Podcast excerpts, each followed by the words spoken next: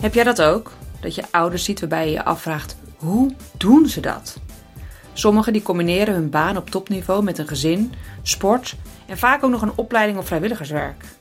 En bij anderen vraag ik me af vanwege hun professie of hun persoonlijke situatie.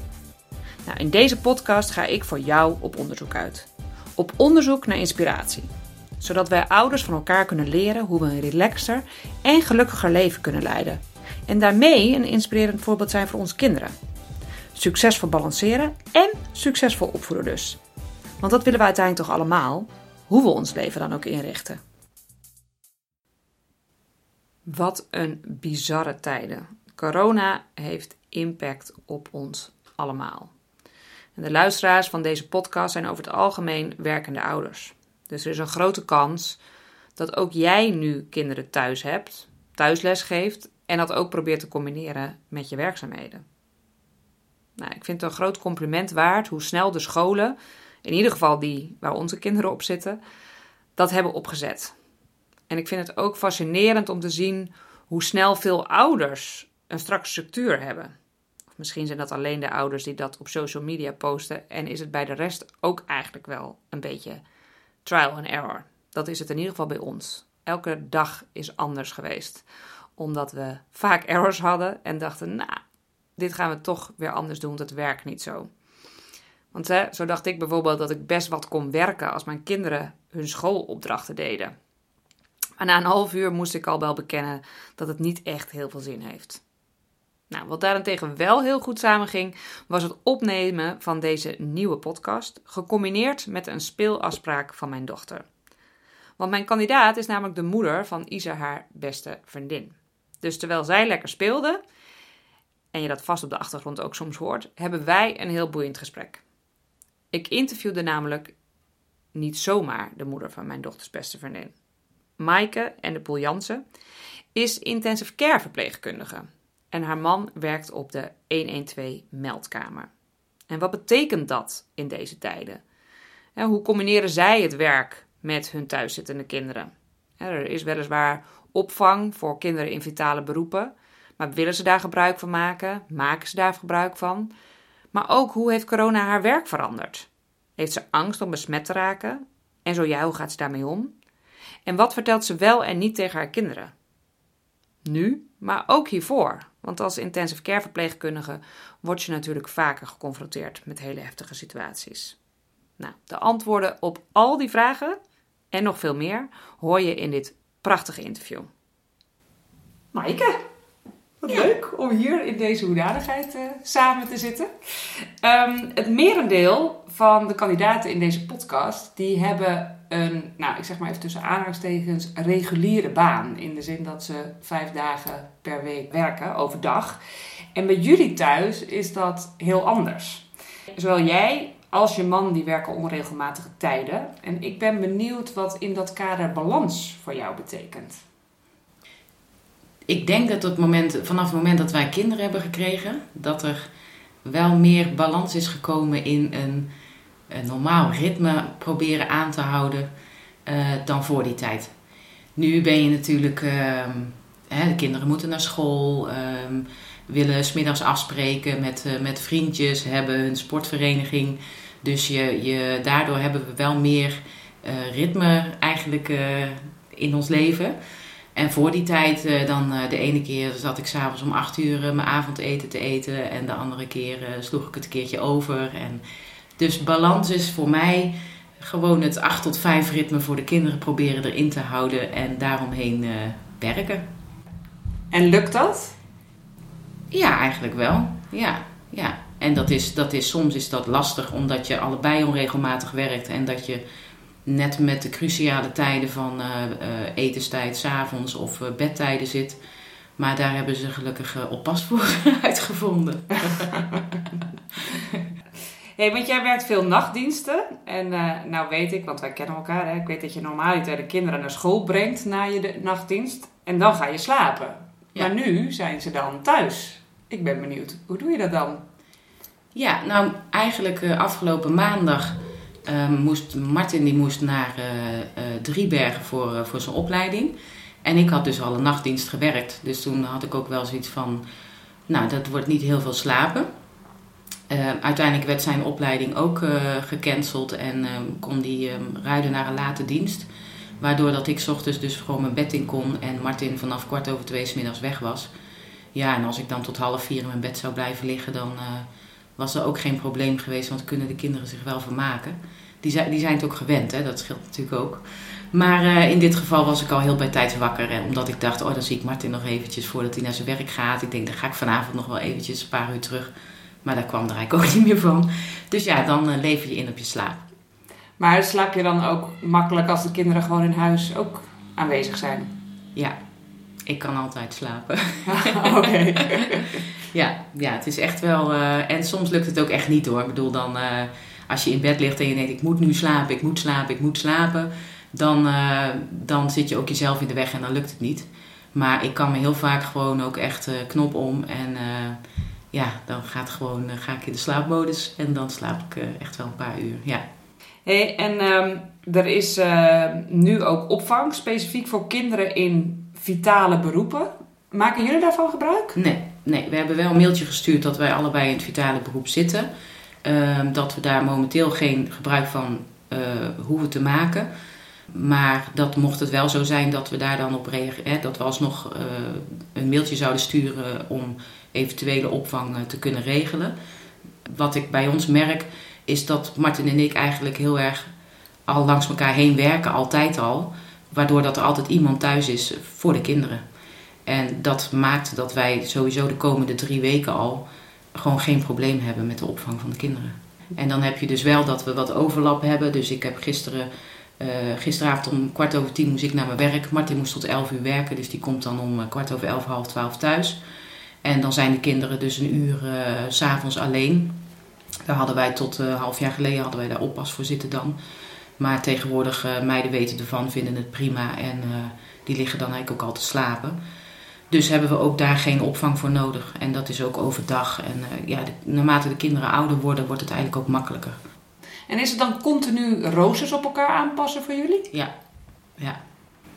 Ja, echt continu roosters op elkaar aanpassen. En dat lukt niet altijd. Dus we zijn ook heel vaak dienst aan het ruilen. En, uh, en dat maakt ook dat ik best wel regelmatig nachtdiensten draai. Omdat dat gewoon de dienst is waarbij je de minste opvang voor de kinderen nodig hebt.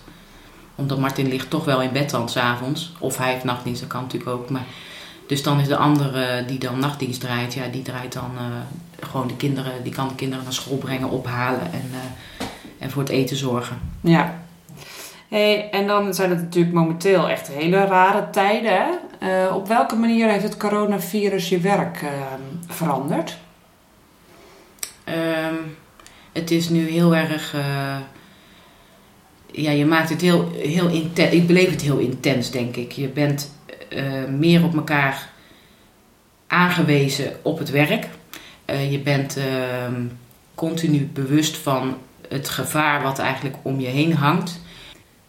Afgelopen zaterdag stond ik op de op corona-unit van het ziekenhuis, tenminste op de intensive care. Op het moment is de drie vierde al uh, corona-unit. Toen was het nog de helft van de IC. En dan kom je thuis en dan sta ik wel bij de voordeur. Dan denk ik: oké, ik heb heel de tijd een pak aangehad. Ik heb mijn handen goed gedesinfecteerd. Maar ik heb wel met mijn handen ook aan het mondmasker gezeten, dus bij mijn gezicht gezeten. Ja, ik heb uiteindelijk mijn jas en mijn, uh, mijn tas uh, in het voorportaal uh, bij de voordeur neergezet. Ik heb mijn kleren uitgetrokken en ik ben naar boven gelopen en onder de douche gaan staan. En lekker mijn huispakje aangedaan en toen naar beneden en alles meteen in de was gemieterd. Omdat ik wel denk, ja, je bent wel Weet je, je kunt van alles meenemen vanuit, uh, vanuit je werk. Dat, dat is het. Je bent heel erg aan het nadenken steeds. Ik wil ook niet ziek worden. Ik, ik let echt op met wie ik afspreek en uh, of dat diegene ook, uh, ook er precies zo in staat als ik. Want ik heb het idee dat nog niet bij iedereen de seriositeit, het, het, het, ja, hoe zeg je dat? Ik heb het idee dat nog niet iedereen inziet hoe ernstig dat de situatie is. Waardoor dat ze soms denken, ja, een beetje hoesten, maar ja, goed, dat geeft toch niet. En dan denk ik, nou, vind ik prima, maar dan niet bij mij in de buurt, want ik wil gewoon echt niet ziek worden. En vind je dat prima, is, dat ze er zo over denken?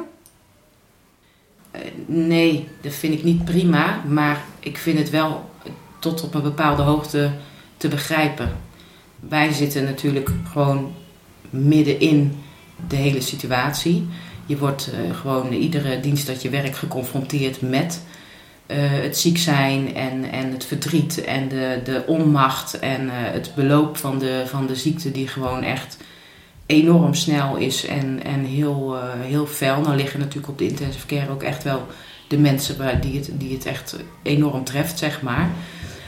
Weet je, als je daar niet mee bezig bent en je hebt dat allemaal niet zo in de gaten, dan denk ik dat dat ook wel, ja, kan ik me wel voorstellen dat het je ook niet zo. Weet je, als er een enorme crash is op de beurs, ja, dan kan Martin tegen mij zeggen: Joh, heb je dat gezien? Vandaag is uh, die en die beurs helemaal ingestort. Dan denk ik: Oh ja, nou vervelend. Maar dat zegt mij niks. Ja. Ik denk dat dat het een beetje is. Dat, dat pas als het bij mensen dichterbij komt, dat het, ze, ehm, dat het, dat het meer, meer impact heeft ook op hun leven. En dat, het dan, dat ze dan pas echt beseffen van jeetje, het is echt, uh, er is echt stond aan de knikker. Ja, maar ja goed, met de maatregelen die momenteel in Nederland genomen worden, mag je toch redelijk uitgaan dat het al uh, dat het een serieuze situatie is, toch? Absoluut, absoluut, ja. En ik denk dat het nog wel... Uh, nu is het, vandaag is Duitsland in lockdown gegaan. Ik geloof België ook al. Uh, gisteren was natuurlijk Frankrijk al. Ja, ik denk dat dat, dat dat niet lang meer duurt en dat het in Nederland dan ook zo is. En ik vraag me dan wel af, moeten we in Nederland dan gaan wachten op dat we dat moeten gaan doen? Of moeten ze in Nederland gewoon beslissen, huppakee, dicht? Preventief. Preventief al, ja. Ik kan me voorstellen dat jij en Martin ook hè, uh, over je werk praten. Net zoals denk ik alle ouders dat doen. Maar bij jullie gaat het natuurlijk dan ook veel over corona. Hoe ga je ermee om richting de kinderen? Nou, Martin en ik praten niet zozeer veel over corona. Als meer over... Uh, kijk, de, de corona is natuurlijk uh, wereldnieuws en is continu op radio, tv, uh, overal. En dat is niet zozeer waar wij het hier thuis over hebben, maar meer over eh, wat hij heeft meegemaakt. Op dit moment eh, zit hij op de meldkamer, hè, dus wat hij, wat hij aan, aan telefoontjes krijgt en, en voor verhalen hoort. En ik ook meer de. Uh, ja, het, is meer dat je bezig. Ja, moet ik dat uitleggen? je hebt natuurlijk gewoon ontzettend trieste casussen liggen. En, en er zijn ook een aantal mensen al bij ons op de intensive care overleden. En niet bij al die mensen was familie tijdig aanwezig, omdat die mensen ineens helemaal instortten. En op het moment dat de familie gebeld is en die aankwamen, was, was hun dierbare al overleden. Ja, dat soort situaties, daar hebben we het meer over. Gewoon van, jeetje, dit was heftig. Of, uh, of uh, Hè, moet je nagaan dat je dan uh, bij jouw partner komt na 60 jaar huwelijk. En uh, dat je dan zo'n heel pak aan moet trekken, een mondmasker voor moet doen, handschoenen aan moet doen. En zo moet je afscheid nemen van je partner. En dat, ja, meer dat soort dingen. Ja. En hè, je, je schiet nu ook vol, we zitten hier allebei, maar dan ook. Maar hoe ga je daar in jullie beide beroepen? Heb je in zijn algemeenheid natuurlijk te maken met het feit dat mensen uh, overlijden tijdens je werk. Hè? Ja. Martin zit dan nu op de meldkamer, maar uh, heeft natuurlijk heel lang op de ambulance uh, gezeten. Jij sowieso op intensive care waar het, waar het gebeurt. Hoe handel je dat? en zeker in deze situatie waar het alleen maar intensiever wordt. Um, ja. Weet je, er zijn echt casussen die je altijd bijblijven. Verhalen die in je hoofd zitten, uh, mensen die je voor de geest kan halen en situaties. En dat zijn hele verdrietige situaties en dat zijn hele mooie situaties en dat zijn ook gelukkig leuke situaties.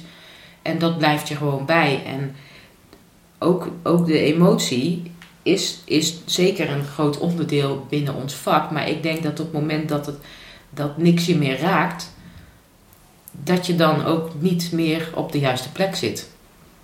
En ik heb toevallig afgelopen weekend uh, meegemaakt dat, dat ik dus een familie had die in hun isolatiepakjes naast mij stonden uh, bij hun dierbaren. En die afscheid moesten nemen van hun dierbaren. Uh, waarbij je dus mensen niet even mag aanraken om ze te troosten. Of, of, hè, maar waarbij je dan met woorden eigenlijk ook heel veel voor ze kan betekenen. En dat mensen ook. ehm, ik zie het altijd maar zo dat, dat ook al is er heel veel verdriet en zo, eh, en, en ook al komt iemand te overlijden, ehm, ja, dat ik het fijn vind dat ik dan degene ben die eh, de zorg heeft mogen hebben op het laatste moment voor iemand, naar beste eer en geweten. Ja. Dat je er dan juist voor mensen kan zijn. Ja, ja. En dat kan echt zijn met, met hè, nu gaat dat dan even niet, maar even, even iemand zijn hand vastpakken. Ehm, ja, gewoon er zijn, gewoon er staan, uitleg geven, eh, iemand geruststellen of gewoon alleen maar luisteren. Maar mag je nu ook niet, want, want jullie hebben pakken die volledig eh, eh, het hele lichaam bedekken. Mag je elkaar dan ook niet vasthouden? Of- Nee. Nee. Nee, worden ook geen handen geschud. Worden geen. Nee, het blijft echt op anderhalve meter afstand. Maar toch met, uit angst dat het ook nog door de pakken wellicht... eh, Ja. Ja, nou niet zozeer dat het daar doorheen komt, maar gewoon je moet afstand houden. Je moet gewoon afstand bewaren. En dat doe je voor jezelf, maar dat doe je ook voor je patiënt. Want je, je, je gaat wel, eh, je, je, je zorgt vaak voor twee patiënten. Dus je, je loopt ook van de ene kamer naar de andere kamer. Ja, je wil niet het risico lopen dat je bij een patiënt die al een weerstand van eh, heel laag heeft, dat je iets meeneemt van een andere patiënt daar naartoe. ja. En juist niet met deze, met deze ziekte. Ja. Ja, want ik merk dat als wij het eh, met onze kinderen hebben over de situatie, ehm, dat ik soms zelfs ook nog wel eens bewust even benoem hoe ernstig de situatie is, omdat ik met name bij onze oudste dacht van, zie jij wel in hoe ernstig de situatie is? Daarentegen merk ik dat onze jongste heel erg gevoelig reageert en meteen als ze over doden hoort, eh, een, aantal verhalen die jij vertelt, die ik dan tegen haar vertel, of tegen hun vertel, dat ze echt zoiets hebben van, oh, ik wil er niks meer over horen, ik word daar helemaal naar van. Ik ben natuurlijk enerzijds benieuwd hoe jullie daar dan mee omgaan, hoe jouw kinderen daarop reageren, maar ook wat, je, ja, wat jouw advies zou zijn. Hè, de luisteraars van deze podcast zijn allemaal ouders. Over hoe kunnen ze hun kinderen nou het beste voorlichten over deze situatie. Ik denk dat het ook verschillend is per, per kind, hoe dat je, wat je wel en niet vertelt. En bij ons is inderdaad ook wel, hè, de, de, de oudste is, is lekker aan puberen en die is vooral heel erg met zichzelf bezig.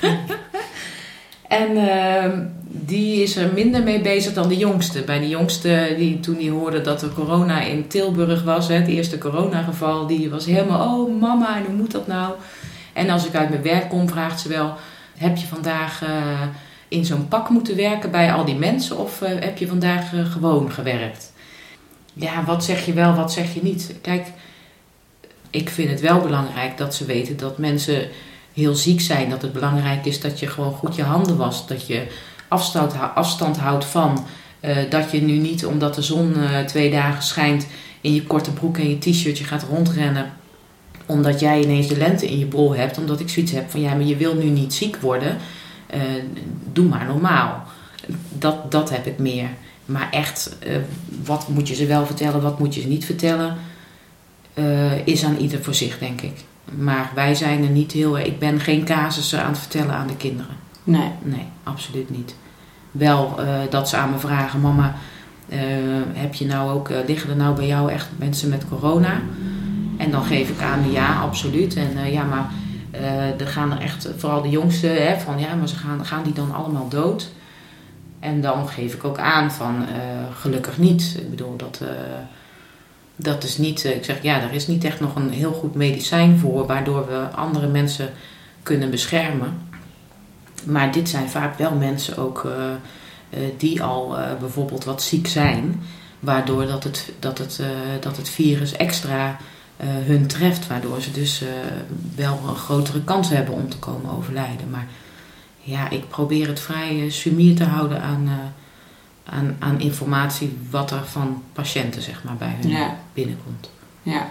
En zijn er wel ook al de succesverhalen? Mensen die dus van de IC positief zijn? eh, of Nee. ontslagen noemen ze dat geloof ik? Nee, hè? nee, maar dat is ook wel, als je het, eh, hè, de artsen die zitten een beetje te kijken naar hoe het beloopt in Italië.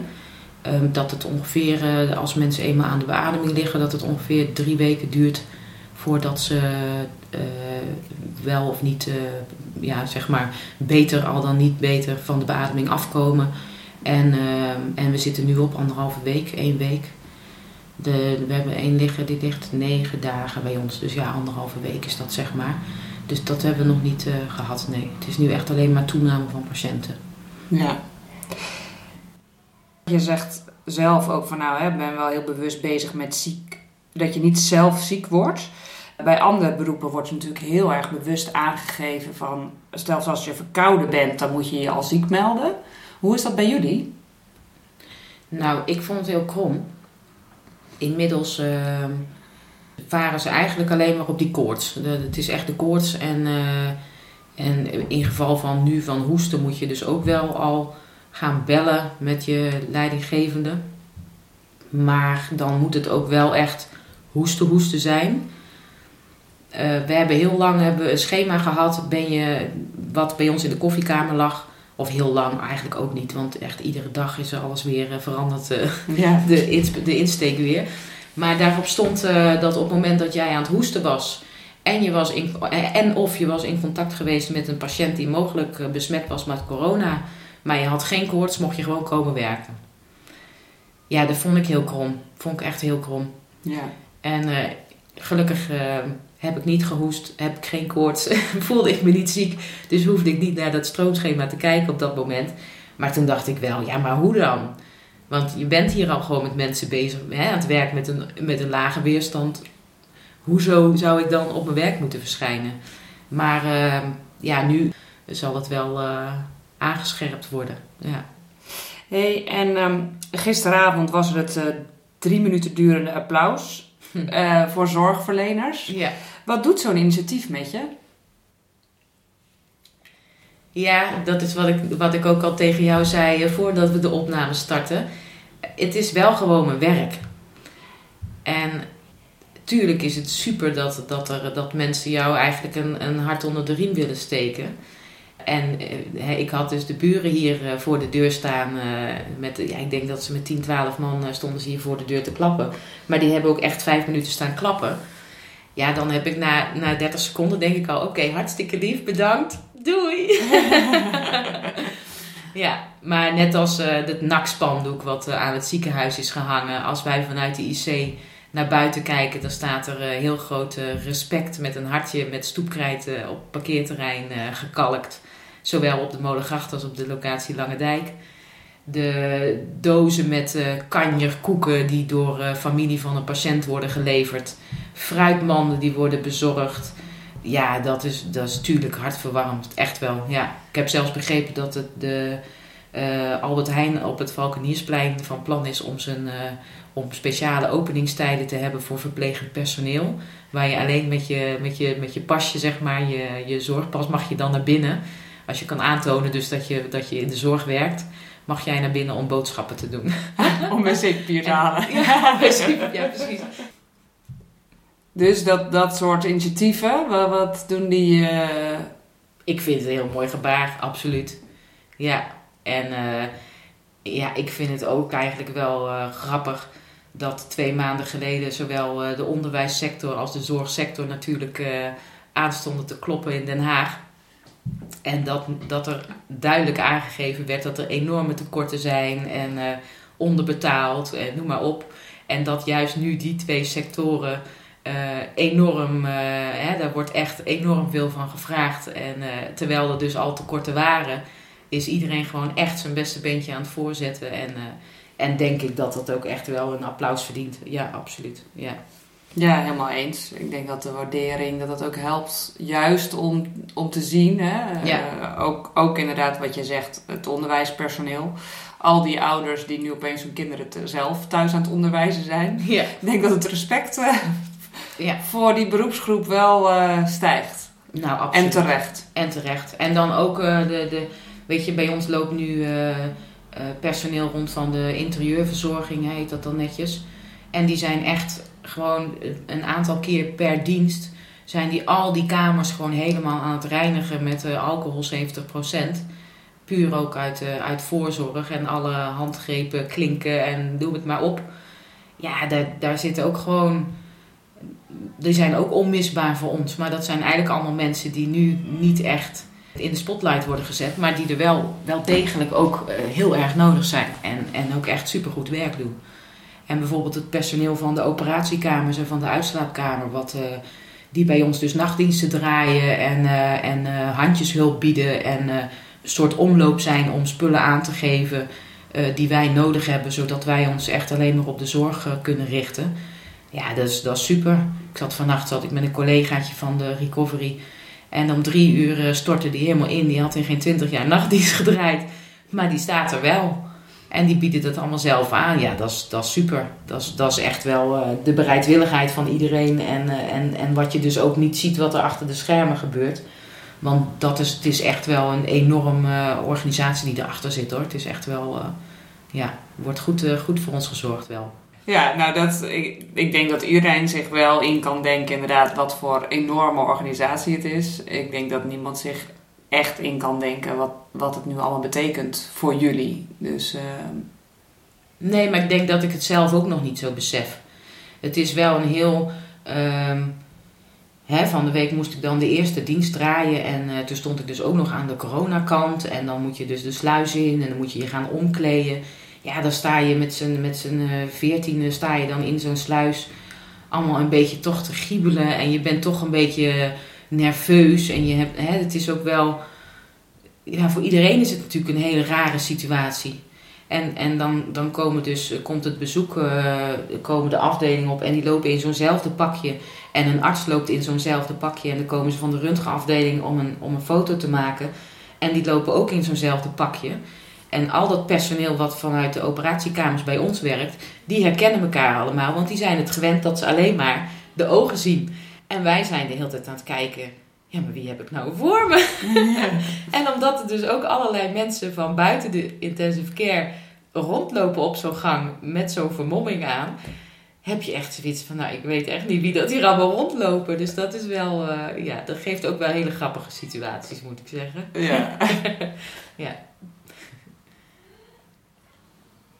Hey, en um, eigenlijk in het begin van het gesprek um, gaf je aan dat um, jij en Martin jullie diensten op elkaar aanpassen. Dat is even een vraag van een hele andere orde. Ja. Uh, en dat dat natuurlijk, wat je zegt, voor de kinderen ook heel handig is. Hè, dat je die diensten op elkaar aan kan passen. Ja. hoe zorg je er dan voor dat je niet alsnog heel erg als partners langs elkaar heen leeft? Ik denk dat het, het leuke is van het onregelmatig werk en dan allebei onregelmatig werken. Ik werk parttime, Martin werkt fulltime. Op het moment dat ik bijvoorbeeld een dag vrij ben en Martin heeft een late dienst, dan hoeft hij pas middags om, uh, om uh, ja, het ligt er een beetje aan hoe laat hij begint, maar of om half drie of om half vier de deur uit. En dan staan we s ochtends tegelijk op. Dan zijn de meiden zijn naar school toe. En dan hebben wij dus gewoon heel de dag met z'n tweeën samen totdat hij naar zijn werk toe gaat. En tuurlijk zijn er ook dagen, net als de afgelopen dagen en, en ook vanavond, dan heeft Martin drie late diensten. En uh, kom ik dus uh, om uh, 1 uur half twee uit bed en vertrekt hij om half drie naar zijn werk toe. Ja, dat is het enige uurtje dat we elkaar dus, dus op zo'n dag zien. En dan is het veel via de app over uh, ik heb vandaag uh, met uh, de oudste dat en dat aan huiswerk doorgenomen. Wil jij nog even daarnaar kijken? En een beetje hè, dat je zo'n zo'n app-relatie hebt op zo'n moment. Maar het, het ehm, ja, de, de, geen week is bij ons hetzelfde. En ja, de, ik vind dat heerlijk. Kunnen heel veel mensen zich niks bij voorstellen. Maar het geeft ook wel dat je juist net als vanavond, dan liggen die meiden op een gegeven moment op bed. En Martin die komt pas om kwart over elf, half twaalf thuis. Weet je, dan kan ik heerlijk gewoon mijn Netflix-serie kijken of lekker in bad gaan liggen.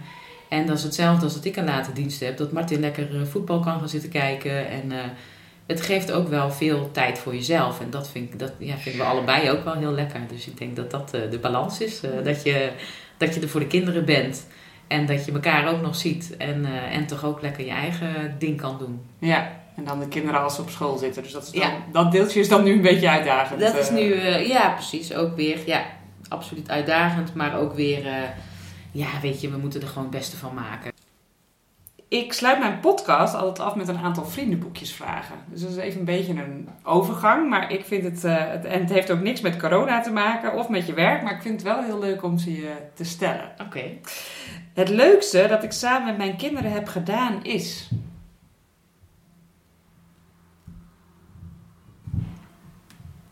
Ja, ontelbaar veel dingen. Het leukste. Ehm,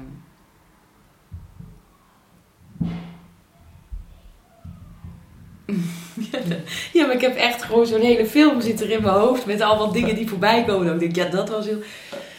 Jeetje. Eh, ik denk eh, gewoon. Ja, de vakanties gewoon. Lekker de vakanties samen. Wat mijn kinderen hebben me geleerd is. Wat mijn kinderen mij hebben geleerd. Ja. Ja, dat je, som, dat je eigenlijk helemaal niet zoveel nodig hebt. Dat je gewoon, uh, als je elkaar hebt en uh, ja. Ik ben, nog wel, ja. ik ben nog wel eens dat ik, dat ik denk van, oh ja, we hebben een dag vrij, we moeten iets gaan ondernemen of zo. Maar dat, dat, ik dan, dat die meiden het ook heerlijk vinden om gewoon, uh, om gewoon thuis te zijn. Gewoon dat je er bent en, en dat. Nou, in deze tijden ja. is dat ja. dan wel ja, ik denk een dat hele ze dat fijne over les. een week niet meer hebben. um, mijn favoriete tegeltjeswijsheid is... Oost, west, thuis, best. Nou, alweer zo mooi in deze tijd. En als laatste, ik zou best graag een dagje willen ruilen met... Ja, ik denk met een, met een tv-presentatrice. Linda de Mol. En wat me ook wel leuk lijkt, of in, een, of in, een, uh, in, in zo'n film, net als Gooise Vrouw of zo, uh, een rol te spelen. Lijkt me wel heel leuk. Ja. Hey, en tot slot is er een vraag die ik niet heb gesteld, maar wel had moeten stellen. Of iets anders dat je nog kwijt wil.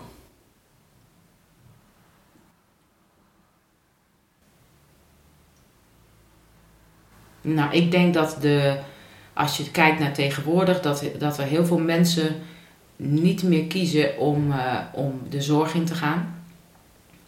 Als we het dan toch heel even bij mijn beroep houden. En dat, dat, dat, vind ik gewoon, dat vind ik heel jammer. Dat het beroep, uh, de zorg, wordt niet heel positief eigenlijk geschetst. Uh, nu momenteel, natuurlijk is het even helemaal heilig. Maar, uh, en, en ik hoop dat dat ook weer voor veel mensen oplevert. Dat ze denken, oh ja, weet je, dat, dat wil ik toch echt wel. Het moet ook wel echt je roeping zijn. Maar ja, ik vind het jammer dat, dat tegenwoordig de, het beroep, uh, het werken in de zorg... dat dat niet meer zo uh, interessant is blijkbaar. En hoe komt dat? Wat maakt het dan niet interessant? Ja, je werkt natuurlijk op de beroerdste tijden en dagen. En ehm, het werk wat je doet is is werk wat, wat lichamelijk uh, uh, ook echt wel wat van je vraagt. Je bent natuurlijk echt ook best nu en dan met vieze dingen bezig. Maar ja, voor mij is het echt altijd wel. Ik heb altijd geweten dat ik de verpleging in wilde. En is het, is het, het, mooiste wat je voor iemand kan doen om, om, om voor iemand te zorgen. En, en, en dus moet het je ook wel liggen, maar het is ook wel ik denk dat het allemaal een beetje te, te negatief wordt, wordt, ja, wordt weergegeven. Weet je, tegenwoordig heb je allemaal zulke mooie uh, mediatitels die er, die er voorbij komen, wat je allemaal kunt gaan doen. En, en ja, dat, dat, daar past die zorg helemaal niet meer binnen. Nee, maar inderdaad ben ik wel benieuwd wat deze huidige ontwikkelingen doen in dat, aan dat beeld. Ja, ik ook. Daar ben ik echt benieuwd naar. Ja. En ik hoop dat het dus een, een goede, dat het iets goeds oplevert. Uh, sowieso ook in Den Haag. ja. Maar uh, ook, uh, ook naar het, het, onderwijs, tenminste dat mensen dus echt weer opnieuw de zorg in willen. Ja. Meer mensen. De zorg en het onderwijs. En het onderwijs, ja. Ja. De vitale beroepen. De vitale beroepen, inderdaad. Ja. Nou, dankjewel dat je dit wilde delen. Ja, graag gedaan. luisteraars. Graag gedaan. Een mooie afsluitende boodschap van Maaike. En ik hoop ook van ganse harte dat deze situatie het onderwijs en de zorg in een beter daglicht zet. Zowel in onze maatschappij als in Den Haag. Want juist deze beroepsgroepen kampen met enorm hoge burn-out percentages. Dan de voortgang van deze podcast, want daar heeft het coronavirus ook invloed op. Want live contacten minimaliseer ik zoveel mogelijk. Maar ik had al een hele mooie podcast opgenomen, die juist nu heel erg toepasselijk is. Want ik interviewde een thuisblijfvader. En nou, inmiddels heeft Nederland heel wat meer thuisblijfvaders, maar niet uit vrijwillige keuze. En dat geldt wel voor Peter Doesburg, die al vanaf de geboorte van zijn eerste kind, dat was zes jaar geleden, thuis de zorg draait, terwijl zijn vrouw vol aan haar carrière werkt. Nou, als je abonneert op deze podcast, krijg je vanzelf bericht wanneer een nieuwe aflevering online staat. Ondertussen wens ik je heel veel sterkte en probeer je ook te richten op de mooie dingen die deze afschuwelijke situatie met zich meebrengt. Er is namelijk in ieder geval heel veel meer quality time met het gezin. En ondanks dat ik veel frustraties en irritaties om me heen hoor, hoop ik dat je ook van die mooie momenten kan genieten. Hou je taai.